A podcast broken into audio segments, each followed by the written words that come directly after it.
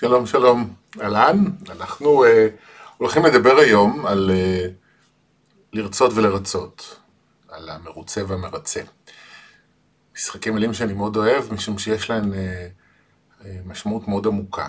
Uh, הסיבה שהחלטתי דווקא לבחור בנושא הזה הפעם היא התקשור האחרון של תואר, שצילמתי ופרסמתי ביום שישי. הם uh, מדברים על החשיבות, אפילו על ההכרח במובן מסוים, ללכת אחרי הרצונות שלנו, אמ, על החשיבות של הנאמנות עצמית במקום הזה, של להסכים לזהות את מה שאני רוצה וללכת אחרי זה. הם דיברו על התחושה שיש לנו בפנים, על הכאב שיש לנו בפנים שאומר, לא מגיע לי, אני לא אה, ראוי לממש את הרצון שלי. דבר שיכול לגרום אה, לחוסר מוטיבציה, במצבים מסוימים אה, שבהם אני רוצה משהו, אבל אין לי משאבים אה, לממש אותם, וזה יכול במצבים אחרים לגרום לממש בלבול, אני פתאום לא יודע מה אני רוצה, זה יכול להגביר המון המון פחד סביב הפעולה שנדרשת בשביל שהרצון שלי יבוא לידי ביטוי. וזה הדברים פחות או יותר שהם דיברו עליהם, שהם כולם מאוד חשובים ומאוד רלוונטיים בעיניי. אבל אני אה, רוצה לדבר על היבט נוסף, והוא קשור מאוד אה, למערכות היחסים שלנו, אה, ואני בעצם הולך לדבר על, ה... על הפער, על המתח, כמו שנהוג לומר, שיש בין שני רצונות שקיימים בתוך כולנו. שני, אני לא יודע אם זה רצון, או אפילו אולי דחף, זה משהו מולד, בסיסי, אני חושב שהוא חלק מהביולוגיה שלנו, מאופן שבו אנחנו אה, נוצרנו בעולם הזה. יש לנו מצד אחד רצון אה, להיות שייכים ולהיות חלק מהסביבה האנושית שבה אנחנו חיים, ומצד שני יש לנו את הרצון להגשים את עצמנו ולהביא את עצמנו לידי ביטוי במשמעות הרחבה, נקרא לזה האלוהית של המושג. והם שני רצונות, שני צרכים שיש בתוכנו, שנמצאים במסלול כזה או אחר של התנגשות. ויש, יש, כאילו אני, אני חושב על שאני פשוט אולי אתן אפילו כמה דוגמאות רק בשביל להמחיש את העניין הזה, ואני אחזור לדבר על נושא שאני מכיר אישית היטב מהחיים שלי, אה, והוא גם מוכר ונפוץ לאחרים, זה היציאה שלי מהארון בתור הומו, אה, שהתחילה איפשהו בגיל 16-17, אבל קדמו לזה שלוש שנים, פחות או יותר, מהרגע שהבנתי שאני הומו, ועד שהתחלתי לחשוף את זה, שהם היו שלוש שנים מאוד מאוד קשות של עינוי עצמי.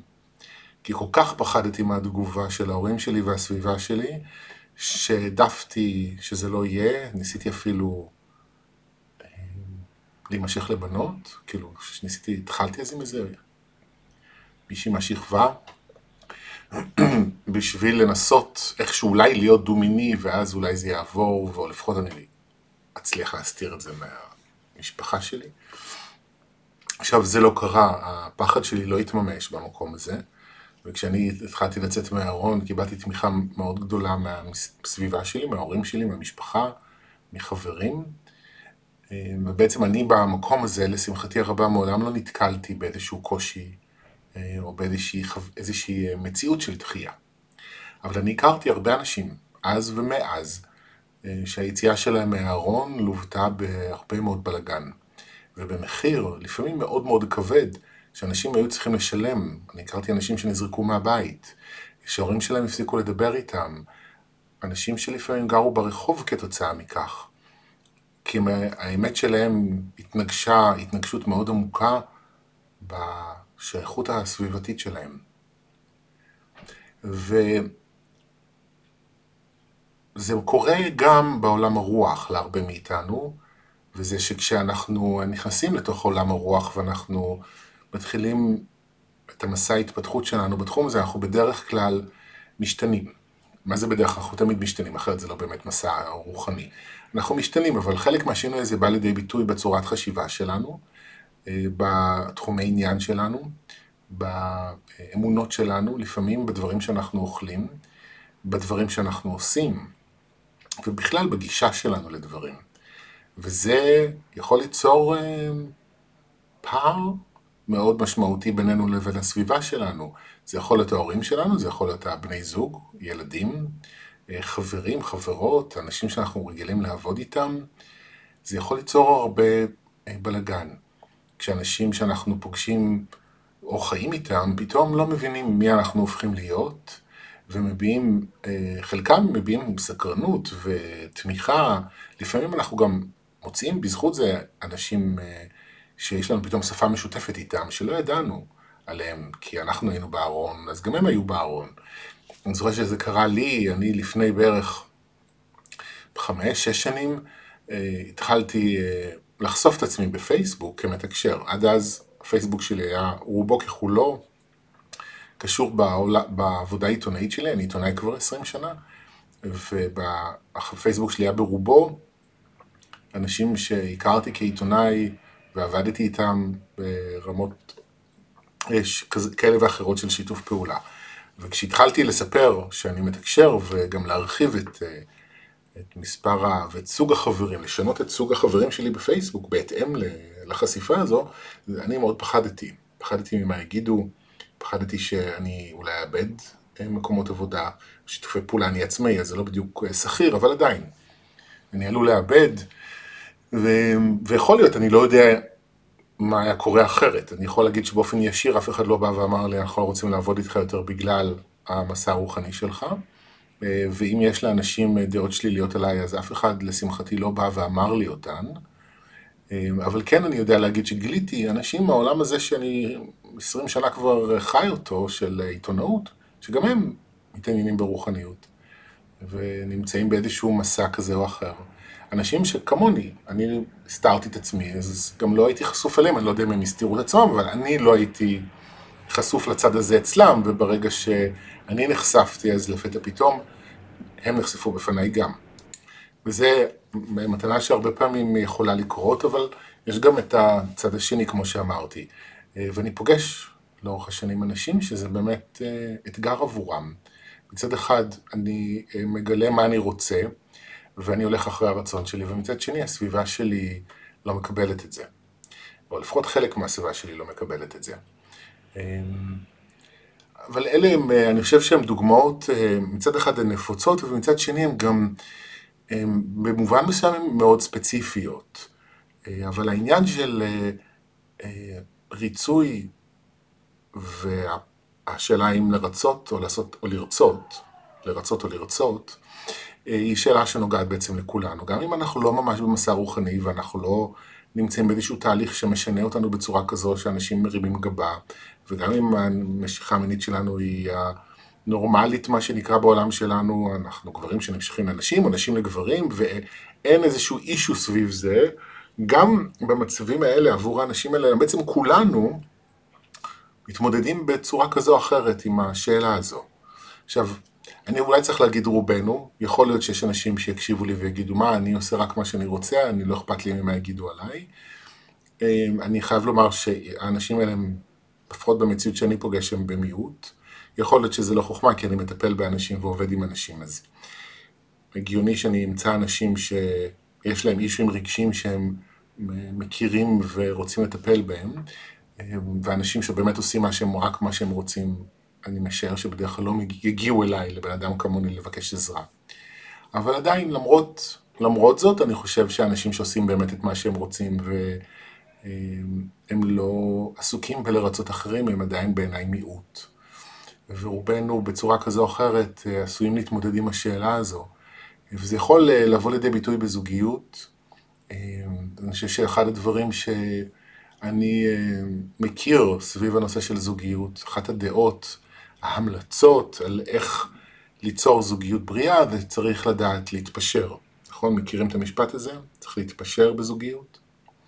ואני חושב שפשרה בזוגיות היא מתכון לאסון, אבל האמת היא שגם אם אני אעשה רק מה שאני רוצה בתוך זוגיות, זה גם יכול להיות מתכון לאסון. האמת היא נמצאת באמצע. האמת היא שבתוך זוגיות אני חייב להתגמש. אבל אני צריך ללמוד גם להבחין מתי אני מתגמש ומתי אני מתפשר. וזה דרך אגב נכון לכל מערכות היחסים.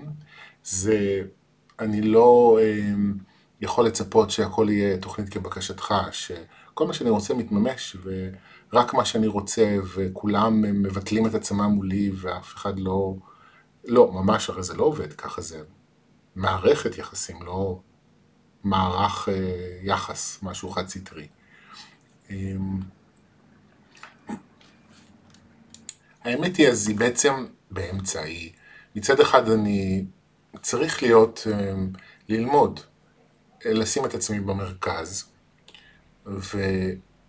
ולהיות ברור עם עצמי במה אני רוצה. אבל מצד שני אני חייב להתגמש. אמ, כי יש דוגמאות אין ספור כאלה בתוך זוגיות. אני רוצה לראות כרגע טלוויזיה מסוימת שהיה בן זוג שלי, רוצה לראות כרגע משהו אחר. יש מקומות שאנחנו חופפים בהם ואנחנו רואים דברים אחד של השני, אבל הרבה לא. אז יש פעמים שאני אמ, מתעקש לראות משהו שלי ולפעמים אני מתגמש. ואני אומר, בוא, אוקיי, בסדר, נראה משהו שאתה רוצה לראות. ויש עוד הרבה הרבה דוגמאות כאלה. ההבדל בין גמישות לפשרה היא, ב, אני חושב, ב-after feeling, ברגע שאני נשאר איתו אחרי שאני עושה את הפעולה. האם יש איזושהי תחושה פנימית של שלמות, או האם אני נשאר מבואס וקורבן, אמ, ויש לי איזה טענה לעצמי, לבן אדם שאיתי, שאיתו אני כרגע אה, עבורו אה, ויתרתי על משהו שאני רוצה, אה, וזו הנקודה שבה צריך לעצור ולבחור, או לא לבחור, סליחה, לברור מה קורה בתוכי, מה אני מרגיש. אם יש לי איזשהו שקט פנימי ו... של אוקיי, אני כרגע עושה משהו עבור האדם שאני חי איתו, או אם אני נשאר מתוסכל וקורבן. והעניין בסיפור הזה הוא משמעותי בגלל שבחוויה שלי בזוגיות, אני הרבה פעמים רוצה לרצות. וכשאני רוצה לרצות, אני לא מרצה מתוך קורבן, כי מה זה ריצוי? ריצוי זה חוויה שבעצם אין לי בחירה. אני כרגע חייב לעשות משהו שאני לא רוצה, כי הפחד שלי בתוכי אומר לי שאם אני לא אעשה את זה יקרה משהו רע. ולפעמים זה לא רק הפחד שלי, זאת אומרת, לפעמים הבן אדם שאיתו, הוא גם יכול להגיד את זה בצורה כזו או אחרת. אם אתה לא תעשה את מה שאני אומר לך, אז אתה תקבל מכות, אז אני לא אדבר איתך, אז אתה תקבל עונש, וכו' וכו'. ולפעמים הפחד הזה הוא רק, אה, הוא רק פנימי, וזה לא באמת שמישהו בחוץ מאיים עליי, אבל החוויה הזו, לא משנה אם יש בחוץ או אין בחוץ, החוויה של ריצוי באה מחוויה של אין בחירה. לעומת זאת, בתוך זוגיות אני מזהה את הרצון שלי לרצות את שי, אני, שי זה הבן זוג שלי. אמ, אני רוצה שהוא יהיה מרוצה. אני רוצה שיהיה לו טוב. זה מאוד חשוב לי. אמ, ומהמקום הזה אני מתגמש. אני לא רק מה שאני מרגיש הוא מה שחשוב. אבל שוב, יש את המצבים האלה שבהם אני יכול להיות בתוך הטענה הזו, בתוך התסכול, בתוך הקורבנות, ושם צריך להתחיל לברר. למה בעצם? מה קורה? עכשיו, יכולים, התשובה לשאלה הזו בגדול, אני אומר את זה מאוד בגדול, אה, יכולה להתחלק לשתי קבוצות, אוקיי? יכול להיות שיש יותר, אני לא מתיימר כרגע לתאר את כל המציאות, אני גם בטח לא מכיר את כל המציאות, אבל זה מה שאני רואה בנקודת מבט שלי. אפשרות אחת היא שיש איזה משהו שאני חי, זאת אומרת, יש איזו פשרה שאני רגיל לחיות בה, שהיא קיימת. יכול להיות שהיא קשורה לבן אדם הזה, זאת אומרת, יכול להיות שאני באופן קבוע מוותר על דברים שאני רוצה, אמ, ואני לא מקבל את מה שאני מצפה לקבל בתמורה. אמ, ויכול להיות שיש לי פשרה שמגיעה מתחומים אחרים בחיים, שאני לא חי את החיים שאני רוצה, שאני מוותר ומתפשר, כי אני מפחד ממה יגידו עליי, כי אני מפחד לאבד, כי אני מפחד שאם אני אנסה ואני לא אצליח לממש את מה שאני רוצה, תחושת הכאב שאני ארגיש היא, היא תהיה קשה ואני לא רוצה להרגיש את הכאב הזה, לא רוצה להסתכן בלהרגיש את הכאב הזה, אז אני מעדיף לוותר, אבל זה לא שלם בפנים, זה לא שאני מוותר וסבבה, אני חי עם זה בשלום, לא. אני מוותר, אבל אני בעצם, יש לי כל הזמן חוסר שקט בפנים, וחוסר סיפוק, כי יש בי משהו שרוצה להתבטא ולהתממש, ואני לא מוותר ומממש אותו. ואז אני עשוי להרגיש את התסכול הזה, והתסכול הזה, הוא יכול להיות שלדוגמה, אני לא מממש את עצמי בעבודה, אני מתפשר בעבודה ואני לא מאפשר לעצמי ללכת עם איזשהו חלום שיש לי, לעשות משהו שאני אחר ממה שאני עושה, שאני אוהב באמת, שוב מתוך מה שציינתי קודם, אה, אז אני אומר לעצמי שאין ברירה ואני חייב להסתדר עם מה שיש וזה הכי טוב שיכול להיות ואני, זה כאילו משתיק, לא כאילו, אני משתיק, מדחיק במידה מסוימת את הרגשות הללו, אבל אז אני עשוי להרגיש אותם במקום אחר, בתחום אחר. זאת אומרת, יכול להיות שאני מתוסכל בעבודה שלי, ואז כל פעם שבזוגיות שלי אני, הבן זוג שלי מבקש ממני משהו, אני נהיה מתוסכל ועצבני, שאני צריך לעשות את כל מה שהוא רוצה ממני, והוא לא מתחשב בי, והוא לא רגיש כלפיי, ובלה בלה בלה. שבעצם הכל בסדר איתו, ואני לא מתחשב בעצמי, ואני לא רגיש כלפיי, כי לי יש רצון לעשות שינוי בעבודה שאני לא מתחשב בו. ובגלל שאני לא מתחשב בעצמי, אני בא בטענות למישהו אחר שהוא לא מתחשב בי. אז אני בעצם אה, צריך לבדוק מה המקור של התסכול הזה, של תחושת הקורבנות, ושם שם צריך להתחיל לעשות סדר מחדש. האפשרות השנייה שיכולה להיות לתחושה הזו, וזוגיות בעבורי היא דוגמה אולי הטובה ביותר שאני יכול לחשוב עליה, על הנקודה הזו, היא שאני בחרתי במציאות מסוימת. אני בחרתי לחיות עם בן אדם מסוים, אני בחרתי לעבוד במקום עבודה מסוים. והבחירות הללו הביאו אותי, זאת אומרת, הביאו אנשים מסוימים לחיים שלי, ו... בחיים המשותפים האלה, או בשיתופי פעולה, לא משנה אם הם רומנטיים או עסקיים, עם אותם אנשים, אני נדרש לעשות כל מיני שינויים, ולהיות אה, גמיש בדברים שאולי, אם הייתי חי לבד בעולם, לא הייתי מתגמש בהם. אבל אני לא לוקח אחריות על הבחירה הזו, שאני בחרתי. ואני יכול לעזוב, אבל אם אני בוחר להישאר, אז אני צריך לקחת אחריות על הבחירה הזו, ולהפסיק לבוא בטענות.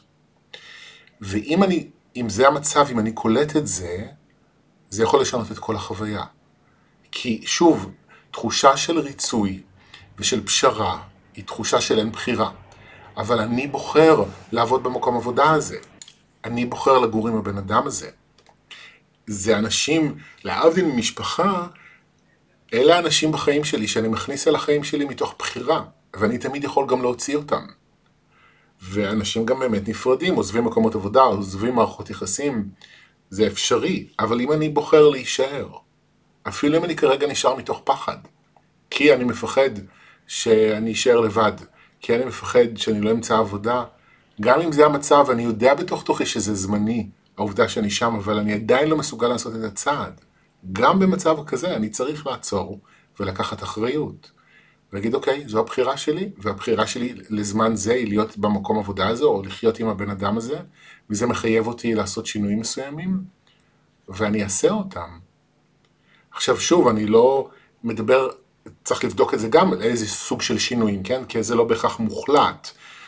אם המקום עבודה שלי יבקש ממני לעשות משהו חוקי, אני פשוט לא אשאר שם. אם הבן אדם שאני חי איתו מרביץ לי, אני לא אשאר שם. אבל גם אז, אם אני בוחר להישאר במקום עבודה שהבוס שלי יורד לחיי כי אני מפחד לעזוב, הוא באמת לא בסדר, הבוס שלי, אבל אני עדיין צריך לקחת אחריות על הבחירה שלי להיות שם.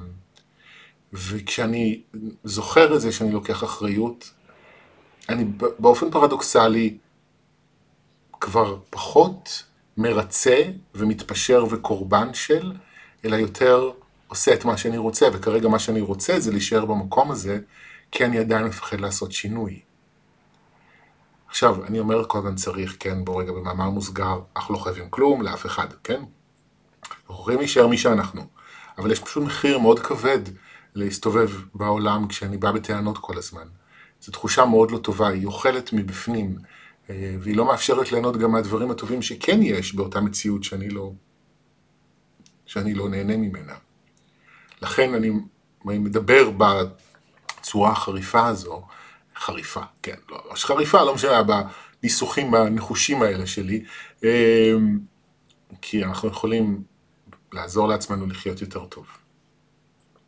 עכשיו, אני עד עכשיו דיברתי בעיקר על כל הנושא הזה של אה, אה, ריצוי ופשרה במערכות היחסים שאנחנו יכולים לשנות. אבל הרבה פעמים זה קורה לנו עם המערכות יחסים שאנחנו לא יכולים לשנות. ההורים שלנו, אחים, אחיות, ילדים, אנחנו מוצאים את עצמנו עם אנשים שאנחנו לא יכולים להוציא מהחיים שלנו. נכון שבעיקרון אפשר, ויש אנשים שעושים את זה, מנתקים מגע, מפסיקים לדבר, ואני יכול להבין שיש מקרים מסוימים שזה אה, בלתי אפשרי להישאר בקשר עם בן אדם מסוים, אבל ברוב המקרים זה פתרון של חולשה. זה פתרון של אני לא יודע איך להתמודד, אני לא יודע איך לעשות שינוי בדינמיקה הזו, אז אני מנתק מגע. כי אני חסר אונים וחסר ביטחון ואין לי כלים אחרים להשתמש בהם.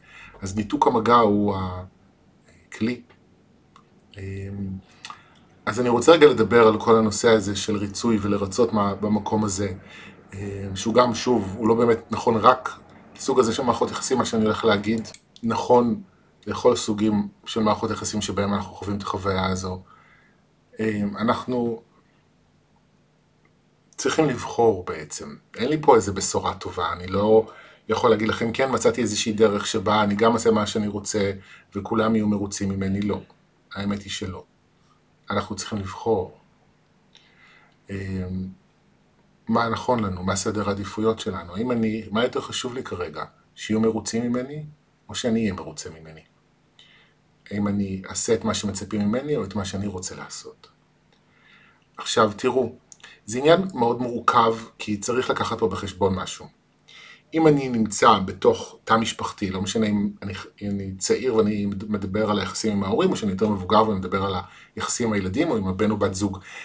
אם אני נמצא נגיד בתוך מסגרת משפחתית שבה אני נכנס לאיזשהו מסע רוחני ומתחיל לחקור את העולם הזה, ואנשים מסביבי מגלים התנגדות, ויש להם איזושהי בעיה עם מי שאני, אני צריך לבדוק את ההשתקפות של האנשים האלה בתוכי. איפה לי יש התנגדות לרוחניות.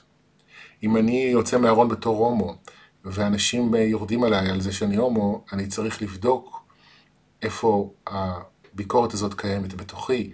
אם מעיפים אותי מהבית בגלל המיניות שלי, כדאי שאני אבדוק בתוכי איפה אני כל כך לא מקבל את עצמי. כי בסופו של דבר, ותמיד, המציאות שלנו היא ביטוי של הפנימיות שלנו, היא השתקפות של מה שקורה בתוכנו. אם אני מייצר התנגדות, ההתנגדות קיימת בתוכי.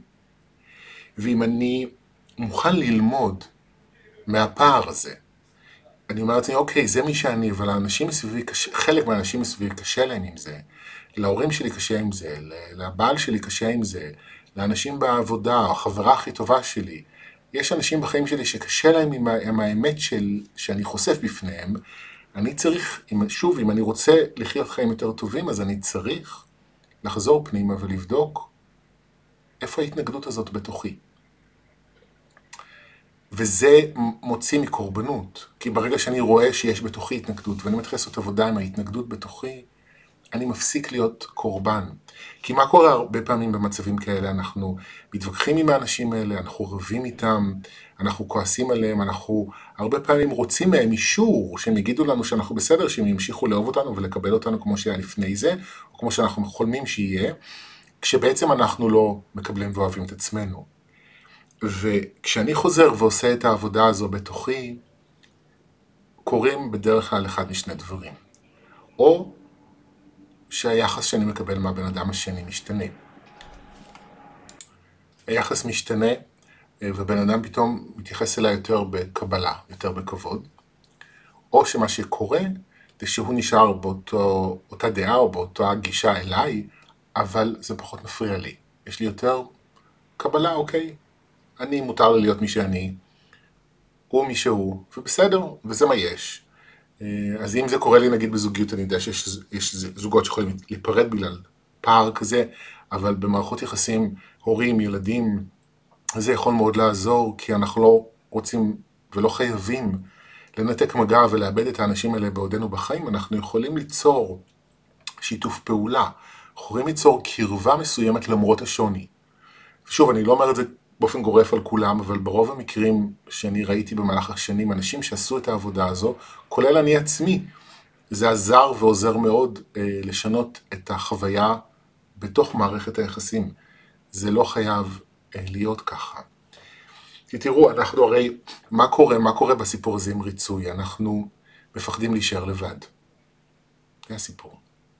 אנחנו מפחדים להישאר לבד, בלי האנשים שאוהבים אותנו, בלי המשכורת הבטוחה שהעבודה שלי כיום בתור שכיר מכניסה לי, אה, בלי תנאים מסוימים ביום יום שהתרגלתי אליהם, אנחנו מפחדים לאבד את כל זה אם אנחנו הולכים אחרי עצמנו.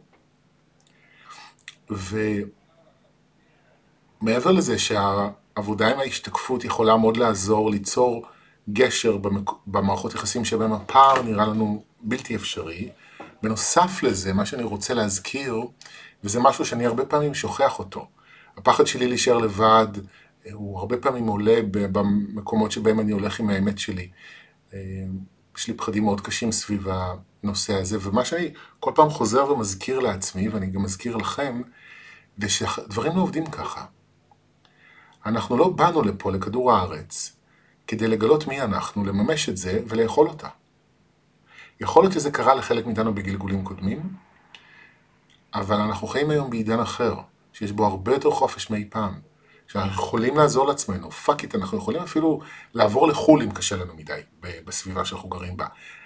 דברים שעד לפני שנים לא רבות אי אפשר היה בכלל לעשות. יש לנו חופש בחירה אה, וחופש לעצב את החיים שלנו כמו שאנחנו רוצים. אז זה נכון אה, שלא תמיד האנשים שהיו בחיים שלי יישארו בהם. זה נכון שיכול להיות שיהיו מערכות יחסים שימשיכו אבל ישתנו, ואולי איפה שיש היום קרבה מאוד גדולה, עשוי להיות איזשהו ריחוק מסוים בהמשך הדרך, זה יכול להיות, אבל זה עדיין לא אומר שנשאר לבד. ויכול להיות שאם אני עוזב עבודה כשכיר, ששם יש לי משכורת מובטחת כדי להגשים איזה חלום, כן, יכול להיות שבאופן ודאי, ברוב המוחלט של המקרים, העבודה שלי והקריירה החדשה שלי בתור עצמאי תהיה, תהיה בה יותר אה, אי ודאות לגבי כמה אני ארוויח בחודש הבא, אה, ואני אתמודד עם מציאות שהיא יותר אה, רגשית וגם כלכלית, היא פחות יציבה, אבל זה לא אומר שאני בהכרח אשאר בלי כסף. זה לא בהכרח אומר. עכשיו, זה מאוד חשוב בתהליך הזה של ההגשמה העצמית, שאנחנו נטפל בפחדים האלה, כי הפחד בא ומה שמזין את הפחד זה זיכרונות כואבים. הזכרתי מקודם גלגולים קודמים, אבל הרבה חוויות שעברנו בחיים האלה. חוויות אפילו מאוד קטנות של אני עשיתי, אמרתי משהו שאני רוצה בבית בתור ילד וצעקו עליי שאני נודניק. ואמרו לי שאני מפריע, אז למדתי להשתיק את עצמי ולא לבטא את עצמי, כדי, ש... כדי שיאהבו אותי. והשתיקה העצמית הזאת, היא באה בעצם מתוך כאב. וזה מאוד חשוב שאנחנו נטפל בכאב הזה, כי הכאב הזה מזין את הפחדים. וככה אנחנו בעצם, הכלא שלנו נשמר. ועבודת ריפוי רגשית יכולה לעזור למוסס את הכאב, למוסס את הפחדים ולחזק את הביטחון שלנו ללכת אחרי עצמנו. אבל זה לא אומר שאני קודם כל עושה עבודה, מחכה שכל הפחדים יעברו, ורק אז מתחיל את השינוי. לא, אנחנו מחזקים את עצמנו, תופסים איזה ביטחון, ואז עושים עוד צעד אחרי הרצונות שלנו, בעקבותיהם, ועדיין אנחנו נפחד. ובנקודה הזו אני מזכיר את מה שאני מזכיר. אנחנו לא חייבים להישאר לבד. אנחנו יכולים למצוא אנשים שהם דומים לנו. אז אולי אנחנו לא מתאימים לעולם שאנחנו נולדנו אליו, אבל אנחנו יכולים לבנות לעצמנו עולם שמתאים לנו. והעניין עם שייכות זה שהרבה פעמים אנחנו מסתכלים על העולם בחוץ ורוצים להשתייך אליו. ואחד הדברים המשמעותיים שלי עזרו בדרך, זה כשהבנתי שאני מרכז העולם שלי. ועכשיו האחריות שלי זה לבנות מסביבי עולם שמתאים לי. מבחינת האנשים, מבחינת מקום מגורים, מבחינת הבגדים שאני לובש, מבחינת העבודה שלי, מכל הבחינות האפשריות, שהרצונות שלי יהיו הדומיננטיים, שזה מה שיקבע. אני פתוח להפתעות טובות, אבל מה שמכוון אותי בדרך זה הרצונות שלי. וככל שאני הולך, בכל פעם שאני הולך אחרי עצמי, כן, המציאות שלי משתנה. וכן, לפעמים יש אובדן ופרידה, אבל גם תמיד יש מציאות חדשה, יש דלתות חדשות שנפתחות.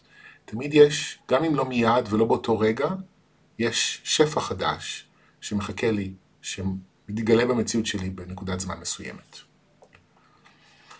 זהו, אלה הדברים שלי להפעם. אני מקווה שזה נגע ועזר. אני אשמח שתגיבו, תספרו לי, תשתפו אותי במחשבות והרגשות שלכם כשהקשבתם. ואם יש לכם שאלות אז אני אשמח לענות עליהן. וזהו, ואנחנו אה, ניפגש, נמשיך להיפגש בפודקאסט הבא. שיהיה לנו שבוע טוב, ושנהיה טובים לעצמנו. ביי ביי.